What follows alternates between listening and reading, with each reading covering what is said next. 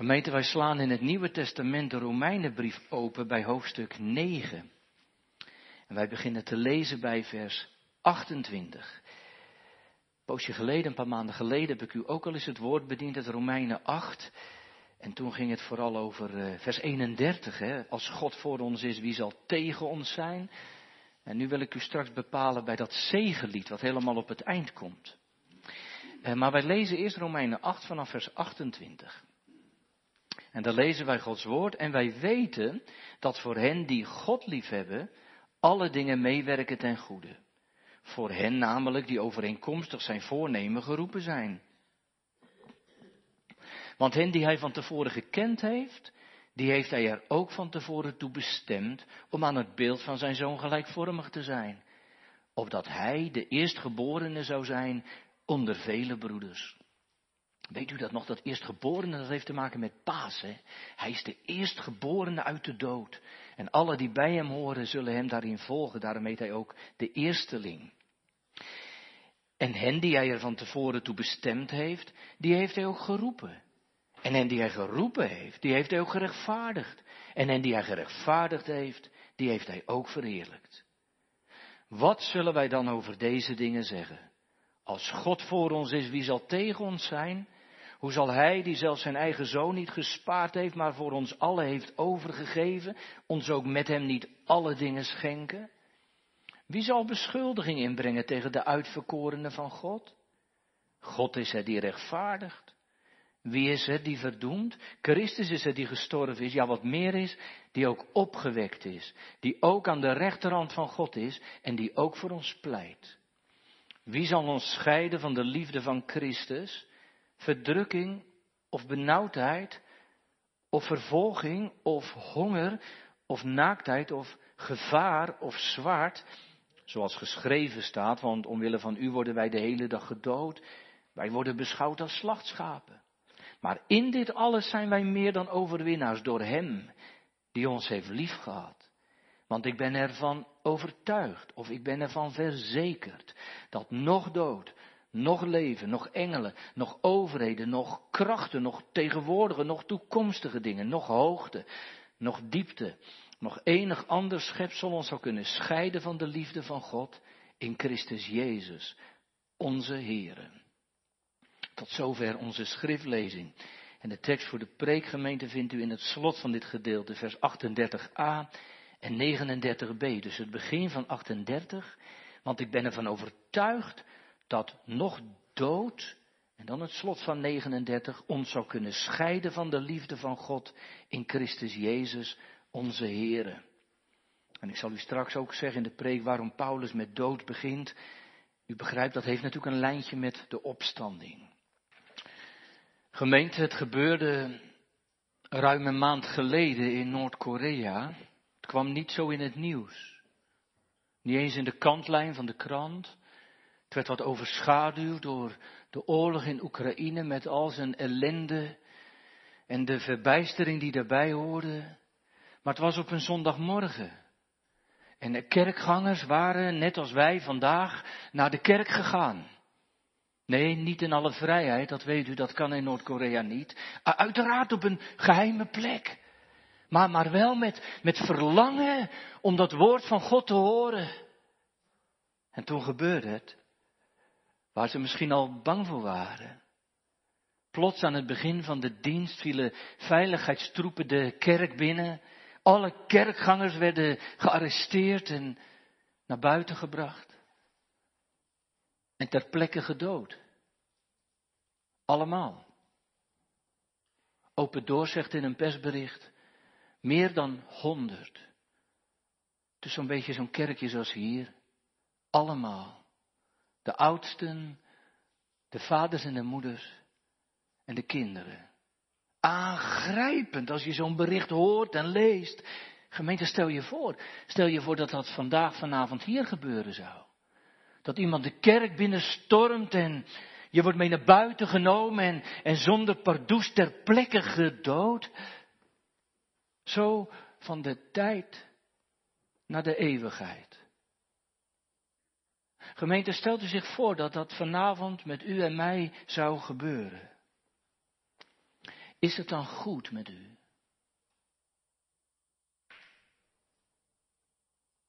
Bent u dan in de hemel? Zingen we dan Psalm 72 met z'n allen net zo mooi vanavond nog een poosje door? In de eeuwigheid? Allemaal? Er was eens een dominee, die, die was daar bezorgd over als het over zijn eigen gemeente ging. En, en op een keer zei hij zomaar half in de preek, willen al degenen in de kerk die zeker weten dat ze in de hemel komen, nu een vinger opsteken. En bij hem in de kerk stak niemand zijn vinger op. Wie van ons weten het eigenlijk zeker? En, en kunnen het vanavond met Paulus vol overtuiging meezeggen, ik ben ervan overtuigd. Of misschien wel mooier vertaald, ik ben verzekerd. Nee, nee, nee, nee, nee, nee, niet gemeend in de zin van, ik hoop dat het goed komt. Of, of, of ik, ik ga er maar vanuit dat het niet fout gaat. Maar mensen die zeggen, ik weet het zeker. Volle verzekering. Jezus is mijn. En als ik vandaag sterf, dan ben ik vandaag bij mijn Heer en mijn Heiland. En dan zal ik vandaag nog in die volle hemelse heerlijkheid zijn die, die nooit meer ophoudt. Of om het nog een keer met Paulus te zeggen, als ik ontbonden zal worden, dan zal ik met Christus wezen. Ja, wie zegt dat nou vrijmoedig mee, omdat hij er zeker van is? En, en kan dat dan? Kun, kun je er echt volledig zeker van zijn? Is het echt mogelijk? Of blijft er altijd nog iets aan deze kant van het graf, een mate van onzekerheid? Moet je, moet je ook als kind van God niet altijd afwachten hoe het uiteindelijk na de dood verder gaat? Je komt best wat mensen tegen hè, die, die dat zeggen, ook in de kerk trouwens. Die, die een beetje moeite hebben met die echte geloofzekerheid. En misschien bent u er wel een. Of jij. Die, die denkt, ja maar, maar kun je dan wel echt zeker zijn? Voor 100 procent? En, en eerlijk gezegd, gemeente, soms lijkt het wel eens of een al te zeker geloof niet meer mag. Of niet meer kan. En dan aanvaarden we met het grootste gemak dat twijfel er helemaal bij hoort. Komt dat ook wel eens tegen, ook wel eens op huisbezoek? Als je met de mensen spreekt, ook over sterven en wat hierna komt en de vraag stelt, maar bent u verzekerd? Hebt u die enige levensverzekering die nodig is in leven en in sterven? Is uw paspoort getekend, o mens? Gemeente, dat is toch een hoogst belangrijke vraag. Jongelui, die vraag moeten we toch stellen aan elkaar, want ja, je sterft maar één keer. Jongelui, het is geen game. Dan heb je zoveel levens, weet je wel. Dan heb je vier levens of vijf en dan kun je wel eens een leventje verspelen of winnen. Maar het leven is geen spel. Je sterft maar één keer. En, de Bijbelgemeente die, die uh, herinnert ons daar keer op keer aan. Gedenk, o mens, hoe zwak u bent, hoe kort van duur. Het leven is een damp. En de dood wenkt ieder uur. En, en dan, dan, dan zit je tijd erop. Dan, dan is het klaar. En gemeente, als het klaar is, dan, dan moet je toch volstrekt helder hebben waar het heen gaat en, hoe het afloopt. Jongelui, ik weet niet of jullie het gezien hebben, maar, uh, maar, maar op een gegeven moment kregen we van die beeld uit de Oekraïne van mensen die omgekomen waren door de oorlog. Dat zag je dan zo achter elkaar in beeld. Oude mensen, jonge mensen.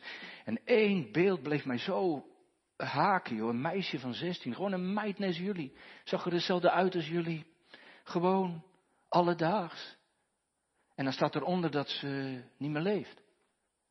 Zomaar van tijd in eeuwigheid. En dan denk je, waar, waar ben je dan? Waar is ze dan? Gemeente, ik ben altijd onder de indruk van, van de gelijkenissen die de Heer Jezus daarover vertelt. Misschien wel het meest van die gelijkenis van de arme man en de rijke, of de arme Lazarus en de rijke man. En, de Heer Jezus vertelt dan in die gelijkenis dat ze op een dag beide sterven. En van Lazarus staat dit, hè. En het geschiedde dat de bedelaar stierf en van de engelen gedragen werd in de schoot van Abraham. In een onvoorstelbare eh, heerlijkheid is hij in één klap verlost van al zijn ellende. En die rijke man sterft ook. En van hem vertelt Jezus. En ook de rijke man stierf en werd begraven. En hij sloeg in de hel zijn ogen op, waar hij in de vlam verkeerde, in de pijn. En de, en de Heer Jezus laat in die uitermate ernstige gelijkenis voelen aan de mensen dat het dan echt klaar is. Want die rijke man, zo vertelt hij in dit verhaal, die, die schreeuwt om ontferming, die, die wil een druppeltje water vanwege de vlam waarin die in zit en, en hij wil nog wat dingen. Maar het is klaar, zegt Jezus. Als je sterft, heb je je kans gehad. In de Bijbel staat het zo, het is de mens gezet eenmaal te sterven en daarna het oordeel. En dan is het klaar. Niks geen vage vuur. Niks geen tweede kans. Het is dan gebeurd. Nou, zegt u, uh, dominee, is dat niet een beetje veel somber vanavond? Twee weken geleden was het paas. U staat al tien minuten te oreren over de dood. Is dat niet een beetje eh, aan de negatieve kant vanavond? Nee, nou, nou ik vind van niet. Gemeente, ik denk dat het juist heel eerlijk is. Eerlijk om te spreken over de gevaren die er zijn, over de zekerheid die je nodig hebt. Uh, u weet wel, zo'n land als Bangladesh, hè, dat wordt heel vaak getroffen door watersnoden. En wat heeft de overheid de laatste jaren gedaan? Daar hebben ze van die uh, waarschuwingsinstallaties in, in, in de zee laten plaatsen. Ongelooflijk goed. Poosje geleden was er een tsunami, er was een aardbeving geweest in zee en er kwam een vloedgolf aan, vijf meter hoog, nota bene. Zouden wij in Nederland om lachen, want die slaat kapot tegen de duinen, maar daar niet. En de overheid die waarschuwde de mensen en, die zei dat ze het hogerop moesten zoeken. De meesten deden dat. Niet alle, die verdronken. De meesten deden dat. Ze moesten het hogerop zoeken. Gemeente, dan zeg je toch ook niet tegen elkaar. Was dat nou een sombere boodschap van de Bangladesh, van de overheid in Bangladesh? Lijkt mij niet. Eerlijk is eerlijk. Gemeente, als je dat nou weet. Als je weet dat de golf van de dood over je leven komt ooit en eens, het oordeel er is, dan, dan moet je toch zeker weten. Dan moet je toch hoger op hebben gevonden. Gemeente, bent u daar? Hogerop. Daar moet u geen twijfel over hebben. Geen. En, we moeten die twijfelgemeente ook niet belonen. Dat doen we wel. Ook in onze kringen, als ik het zo mag zeggen, dan zien we soms nog lieve mensen die iets missen, of die op zoek zijn, of die bekommerd zijn, of die in hun schuld lopen, maar niet zeker zijn van hun zaak. Ja, dus, dan heb je niks. Of anders, als, als er mensen zijn die, die wel tot zekerheid gekomen zijn, dan, dan, dan hoor je misschien hetzelfde wel eens zoals vroeger in het dorp waar ik ben groot geworden. Dan zeiden ze, nou, laat eerst maar even overwinteren. Nou ja, eigenlijk hoorde je er zoiets in, het zal wel niet echt zijn. Laten we maar afwachten. Gemeente, zitten we op die lijn dat het altijd maar een beetje bekommerd is? Een beetje... Of zitten we helemaal op die andere poot? Kan ook. Dat is wel een beetje meer hervormd soms. Gaan we er allemaal vanuit dat het wel goed komt? We zijn allemaal gelovig, we zijn gedoopt, we komen in de kerk. Maar, maar we zijn niet zeker van vergeving en genade. Van gerechtvaardigd zijn door het geloof. Beetje moeilijk woord, zegt u. Maar het is wel nodig.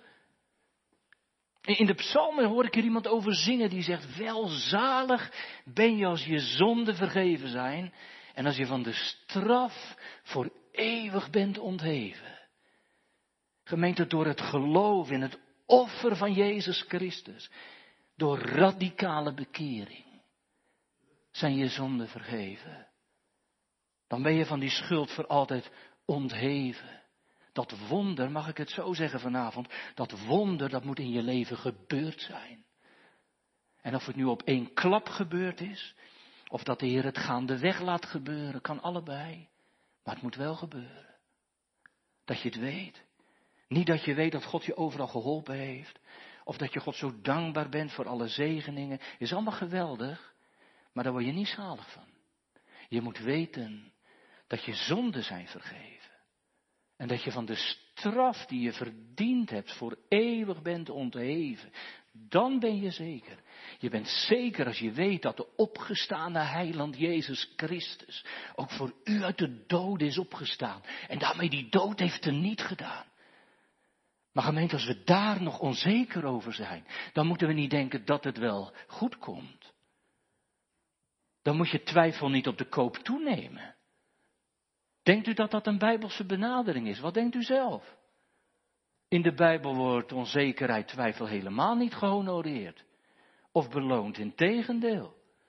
Met mensen die in de Bijbel tobben en onzeker zijn over geloof, die zijn in de Bijbel wel een voorbeeld, maar niet voorbeeldig. Niet zoiets van, ah, daar kun je voorbeeld aan nemen.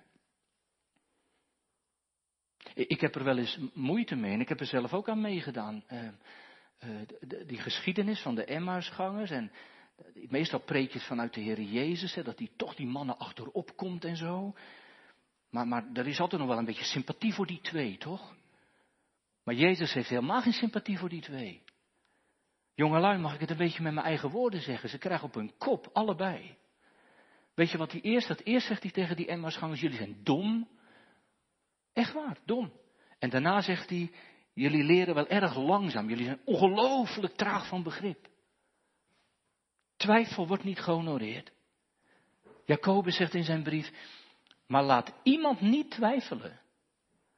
Als iemand twijfelt, dan lijkt hij op een golf van de zee die door de wind voortgestuurd op en neergeworpen wordt. Want zo iemand moet niet denken dat hij iets ontvangen zal van de Heer. Nou, die conclusie vind ik heftig.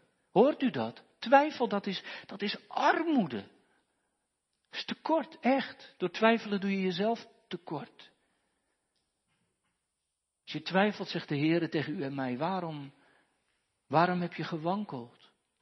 Waarom heb je getwijfeld? Dat zei Jezus tegen Petrus toen hij in de golven verdween, nadat hij eerst zo stoer het water op was gelopen. Nee, de, Heere stelt daarom vanavond twijfelaars ook een vraag. Ook vanavond hier in Sillershoek vraagt hij u, waarom wankelt u? Waarom twijfelt u? Zo hoeft het niet. Gemeente, God wil dat ook niet. Echt niet. Ik haalde even Petrus aan. Hè.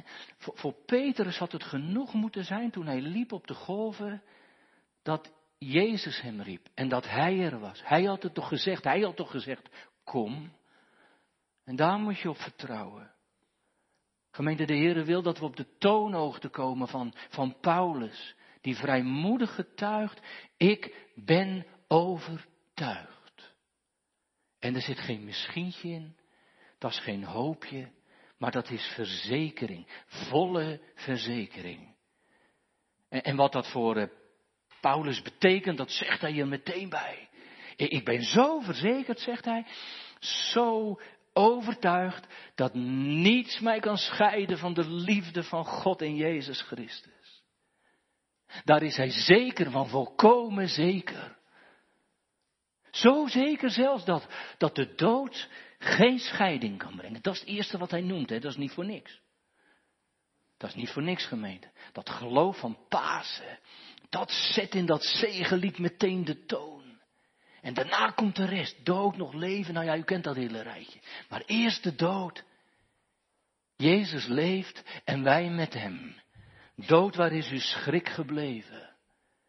Zelfs de dood maakt geen scheiding. Nee, nu jaagt de dood geen angst meer aan. Want alles, alles is voldaan. Dat is wat. Van een taal, hè. Alsof Paulus hier vanavond zegt, als ik, als ik door de donkere nacht van de dood moet gaan. En de golven van het graf zich boven mijn leven sluiten. Dan ben ik zeker dat niets mij kan scheiden van de liefde van God in Jezus Christus, onze Heer. En daarom zegt Maarten Luther, is het graf voor mij geen kille plek waar ik straks begraven word. Maar is het graf niet meer dan een kamertje Waar ik wacht tot de jongste dag aanbreekt en de Heere terugkomt en mij roept. Zo zeker. is mooi hè, als je dat hebt. Vindt u niet? is mooi. Ik, ik hoor mensen dat wel eens zeggen. Ik wou dat ik dat had. Misschien is er wel een jongere vanavond die zegt, nou, ik wou dat ik dat had. Wat de dominee vanavond staat te preken. Echt? Gaaf als je die vraag al stelt, joh. Als je die vraag al stelt. Maar, maar hoe kun je die zekerheid dan krijgen? Hoe?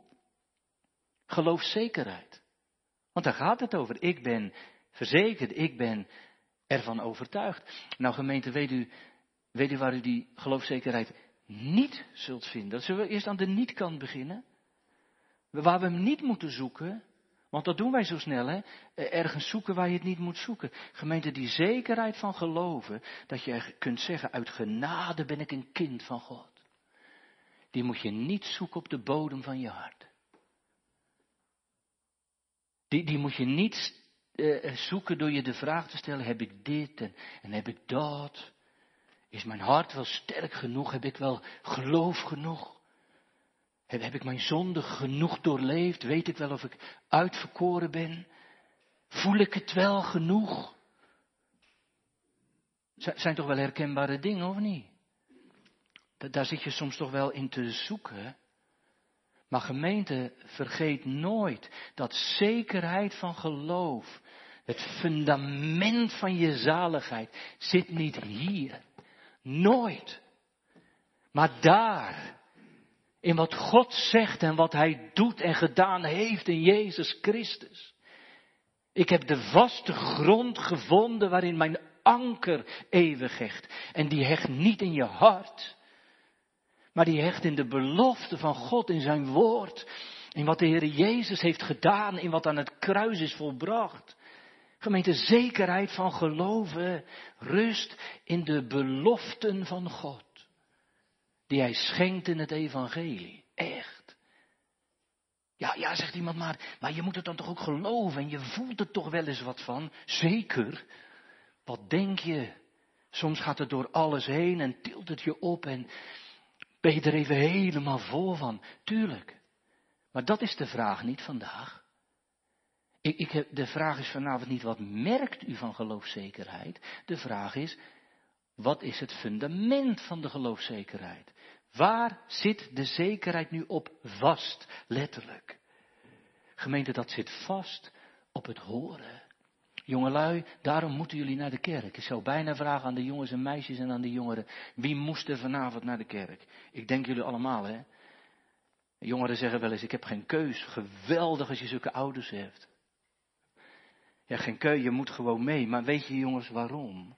Omdat juist in de kerk gaat het over het woord, gaat het over de belofte, gaat het over je doop, gaat het over het kruis. Ja, het is wel eens saai, maar het is wel waar. Ik vind eten thuis ook wel eens saai, maar het is wel gezond. Dat is kerk ook. Gemeente, de zekerheid van geloven ligt in Gods belofte en in zijn woorden. Dat is ook de Romeinenbrief. Tekst kent u toch wel, Romeinen 10? Want het geloven is uit het horen. En het gehoor door het woord Gods. Dit. We moeten bouwen op wat God zegt. Wat Hij beloofd heeft. Wat Hij gedaan heeft in Jezus Christus. Ja, maar dominee, als je geloofzekerheid moet hebben, dan moet er wel heel wat gebeurd zijn. Dat klopt. Dat is ook gebeurd. Op Golgotha. Daar is het gebeurd. Alles is gebeurd wat nodig is om zalig te worden. Gemeente, we moeten bouwen op wat God zegt. Zijn belofte, zijn woorden. En daarom, en daarom legt dat alle zekerheid, fundament buiten ons. Dan wordt het ook echt genade.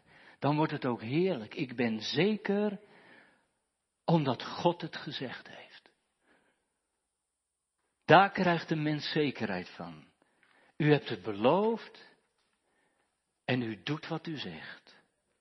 Gemeente, dat is toch waar? Dat, dat is toch waar? Daar, daar, hoeven we, daar hoeven we niet aan te twijfelen. Dat weet u toch hopelijk wel?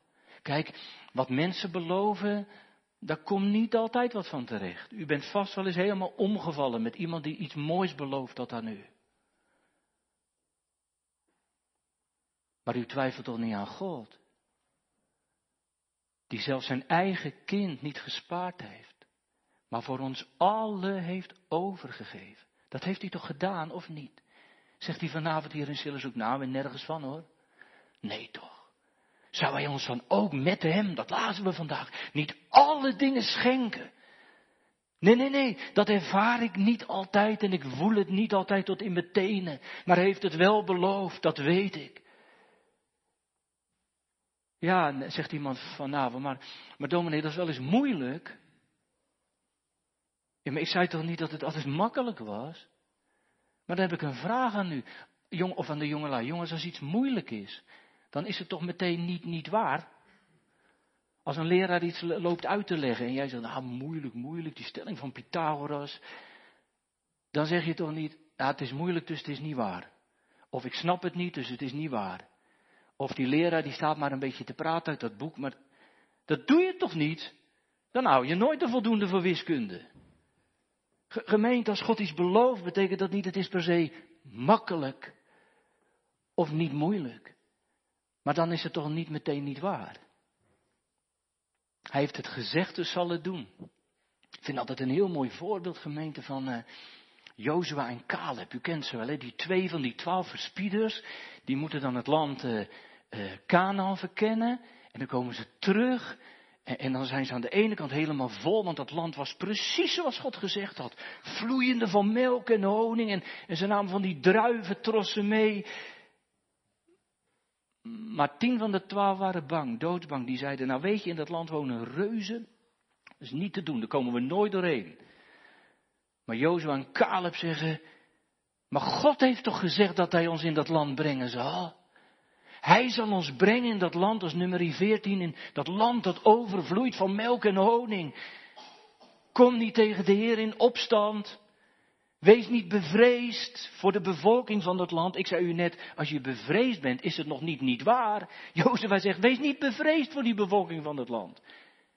Maar er staan wel reuzen voor hun neus.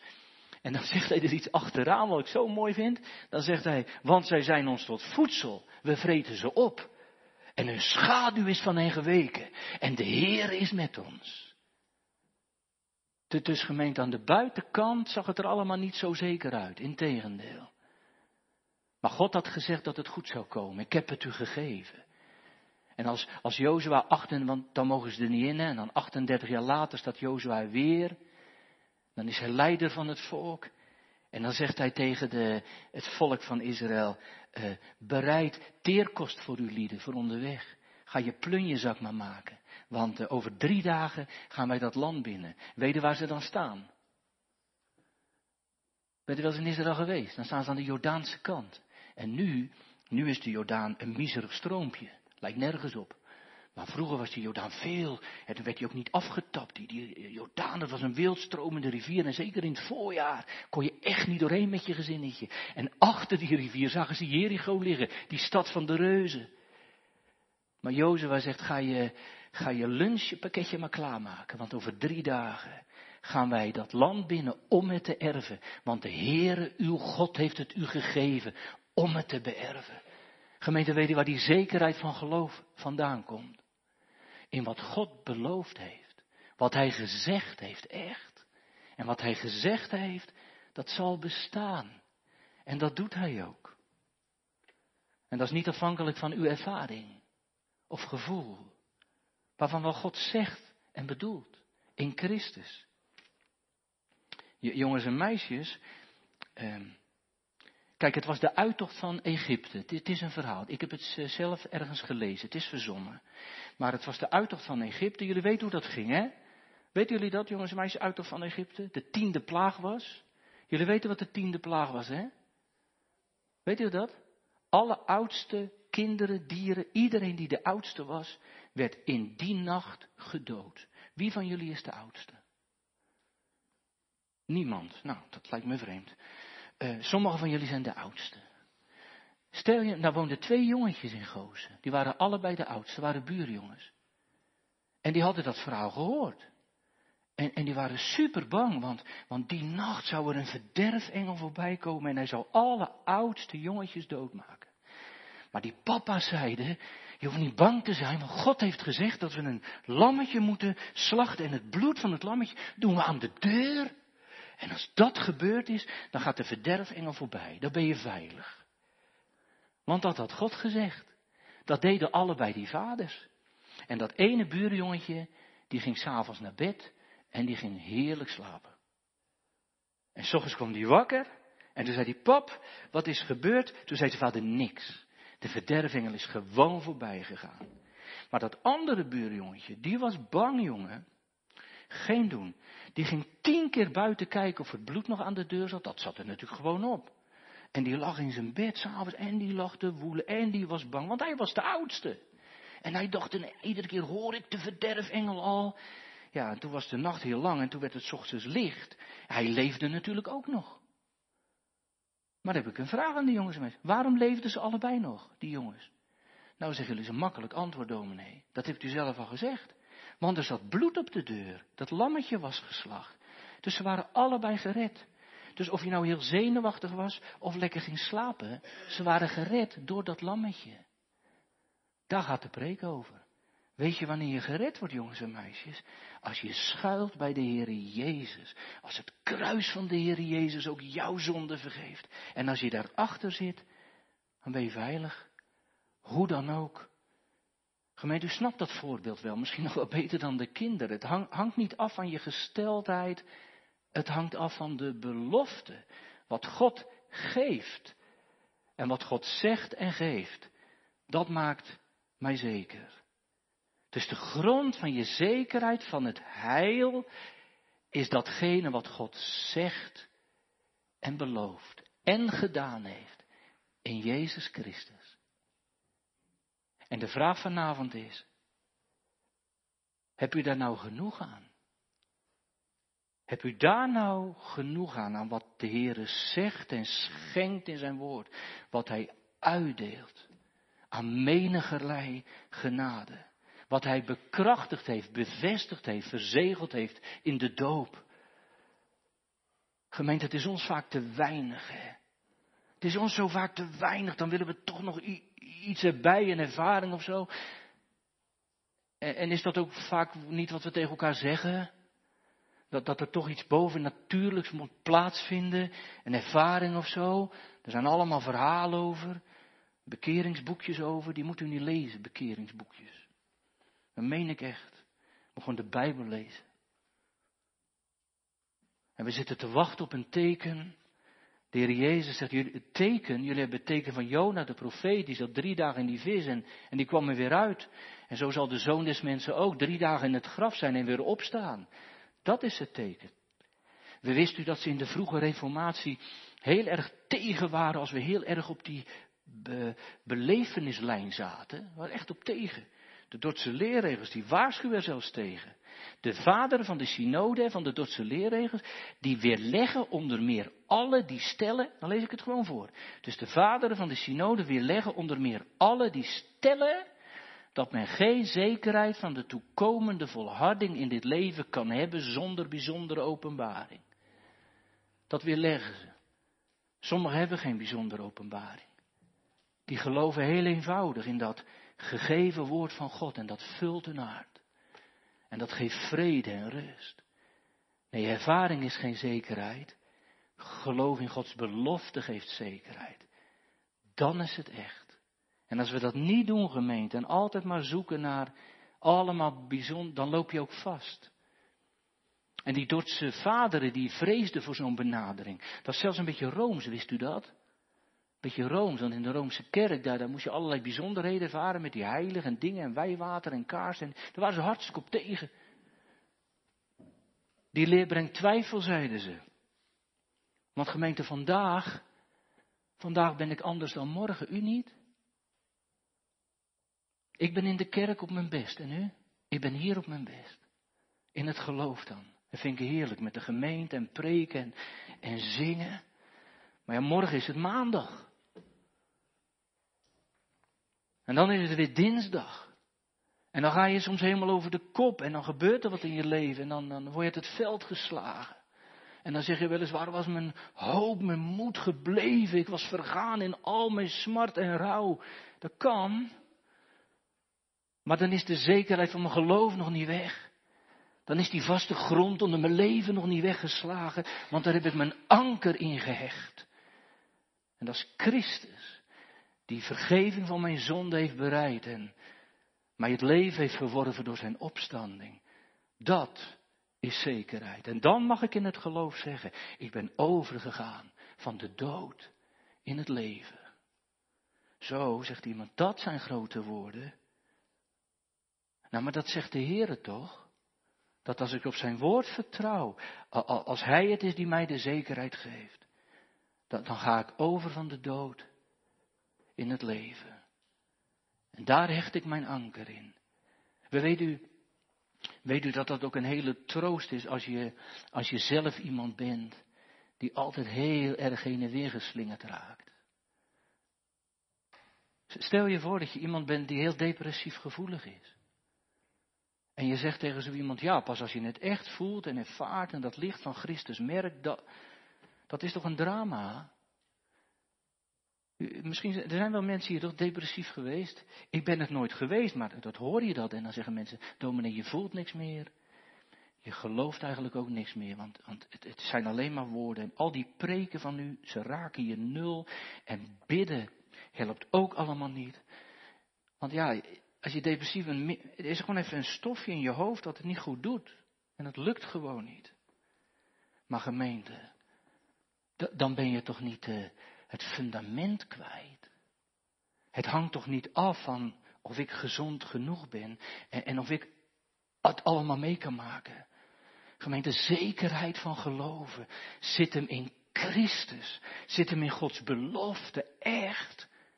Eh, als Psalm 139, daar, daar zegt de dichter al, al, al sluit de nacht zich om mij heen, al is, al is het zo donker als de dood, nou dan ben je depressief.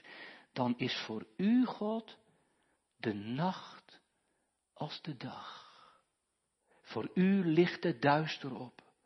Is toch geweldig? Zekerheid komt van de andere kant. Van Gods belofte en wat Hij gedaan heeft in Christus. En ja, dan zijn er best wel tijden dat het soms dwars door je heen gaat, zeker. Want dat doet de Heer echt. Dat hij je er even bovenuit duwt, dat je het weer weet. Dat het je raakt, zeker. Noem dat maar een toegift, een heerlijke toegift. En, en weet je wat de Bijbel ook zegt? Dat er ook tekenen kunnen zijn die je wel helpen. Vind ik mooi in de Johannesbrief. Johannes zegt, wij weten dat wij overgegaan zijn van de dood in het leven als wij de broeders lief hebben. Vind ik wel mooi. Dus hij zegt, je merkt het aan jezelf. Je, je merkt dat je de anderen die de Heer Jezus kennen en liefhebben, dat je daar één mee bent. Al, spreken ze een andere taal. Je hoort de naam van Jezus en je merkt, we beleiden hetzelfde en ze doen het anders, maar je gelooft in die ene. Ja, zegt hij, je bent van de dood overgegaan in het leven omdat wij de broeders lief hebben. Prachtig. Dus, dus met, met, als je het een beetje deftig zegt, de praktijk van de godzaligheid, dus dat je een vreugde hebt in de dingen van God, die zetten een streepje onder de zekerheid. De Bijbel zegt, dan groei je op in Hem. Dan draag je vruchten van geloof en bekering. Dan weeg je een rank in de wijnstok die vruchten draagt. En, en daaraan gekoppeld gemeente zit het getuigenis van de geest. Weet u wel hè? Dat is ook Romeinen 8. Want u hebt niet, Romeinen 8 vers 15 als u uw Bijbel open hebt. Want u hebt niet de geest van slavernij ontvangen, die opnieuw tot angst leidt. Maar u hebt de geest van aanneming tot kinderen ontvangen, waardoor wij roepen, Abba, Vader. De geest getuigt met onze geest dat we kinderen van God zijn. Hij bevestigt wat we roepen. Dat, dat noemen wij het onmiddellijke getuigenis van de geest. En dat maakt volkomen zeker. Weet je hoe dat gaat? Moet, moet niet nu aan het eind van de preek denken, nou dan gaat die mensen maken nog even een hele bijzondere... Het is wel bijzonder, maar weet je hoe het gaat? dat de geest getuigt met onze geest dat we kinderen van God zijn. Weet je, dat gaat door het woord. Dan, dan heb je een woord van God en dat hoor je. En, en, en je hoort het echt. En, en het slaat naar binnen. Het, het geeft een indruk. Het geeft je onuitsprekelijke vreugde. Het tilt je boven alles uit. Je mag het echt weten. Of je zit aan de avondmaalstafel en, en, je stroomt er helemaal vol van bij brood en beker. Dan bevestigt de Heer het. En dan is het de geest die met mijn geest getuigt. Door genade ben je een kind van God. En mag je het soms zomaar even zeggen. Ik heb hem lief. Herkent u dat? Dat, je het vanavond zeggen kunt. Ik, ik heb hem lief. Hoezo? Omdat hij mij eerst heeft lief gehad. En, en, en, dan gebeurt het wel eens gemeente, dat, want je kunt bescheiden zijn, hè? het zijn grote dingen. Maar dan gebeurt het wel eens dat de Heer je, je een beetje schaakmat zet, klem zet. Dat, dat je niet anders kunt dan hem beleiden, hem dienen, het, het instemmen, naar het avondmaal gaan, ervan juichen en jubelen. Ja. Jongelui, toen ik zo oud was als jullie, toen heb ik daar best mee geworsteld. Weet ik het nou zeker? Dat is een goede vraag op zich. Weet ik het zeker? Mag ik echt zijn kind zijn? Ik was geroepen, ik moest dominee worden, dat wist ik allemaal al. Maar ik dacht, dan moet ik ook bekeerd zijn. Dan moet ik ook, wat kun ik anders? En ik zat er echt mee. En ik ging vaak met mijn dominee daarover praten. Want je moet dat bij iemand kwijt. En, op een gegeven moment zei die dominee tegen mij, die kende mij een beetje. Die zei, hé hey Marinus, um, ik kwam voor de zoveelste keer. Heb jij lust de Heere te vrezen? Psalm 84. Heb jij lust de Heere te vrezen? Jongelui, hij vroeg gewoon, hou je van de Heere Jezus? En weet je wat ik dacht? Ik ga geen nee. Het is net alsof het dan naar binnen slaat. En toen, toen zei ik, ja, ja. Ik heb lust de Heer te vrezen. Ik wil hem heel graag dienen. En toen zei hij, wat top je dan? De geest getuigt met onze geest dat wij kinderen van God zijn. En als ik dat geloof, dan kan niets mij scheiden van de liefde van God in Jezus Christus, omdat Hij het zegt. Dan heb ik de vaste grond gevonden waarin mijn anker eeuwig hecht. En hoe gaat het lied verder? De dood van Christus voor de zonde van eeuwigheid als grond gelegd. En die grond zal onverwrikt bestaan als aard en hemel ondergaan. Niets zal mij scheiden. En dan nog een couplet. Daarop wil ik gelovig bouwen. Getroost wat mij ook wedervaart. En mij aan Gods vaderhart vertrouwen. Wanneer mijn zonde mij bezwaart. En steeds aan dat vaderhart vind ik daar opnieuw bereid. On eindige barmhartigheid. En daarom kan het gemeente, vanwege die oneindige barmhartigheid. Waar Gods genade zo breed is en zo wijd en zo rijk en zo vrij. Dat de grootste zondaar en de grootste twijfelaar daarin past. In zijn armen, in zijn woorden, in zijn belofte, in zijn barmhartigheid, echt gemeente, dan kan het voor iedereen. Amen.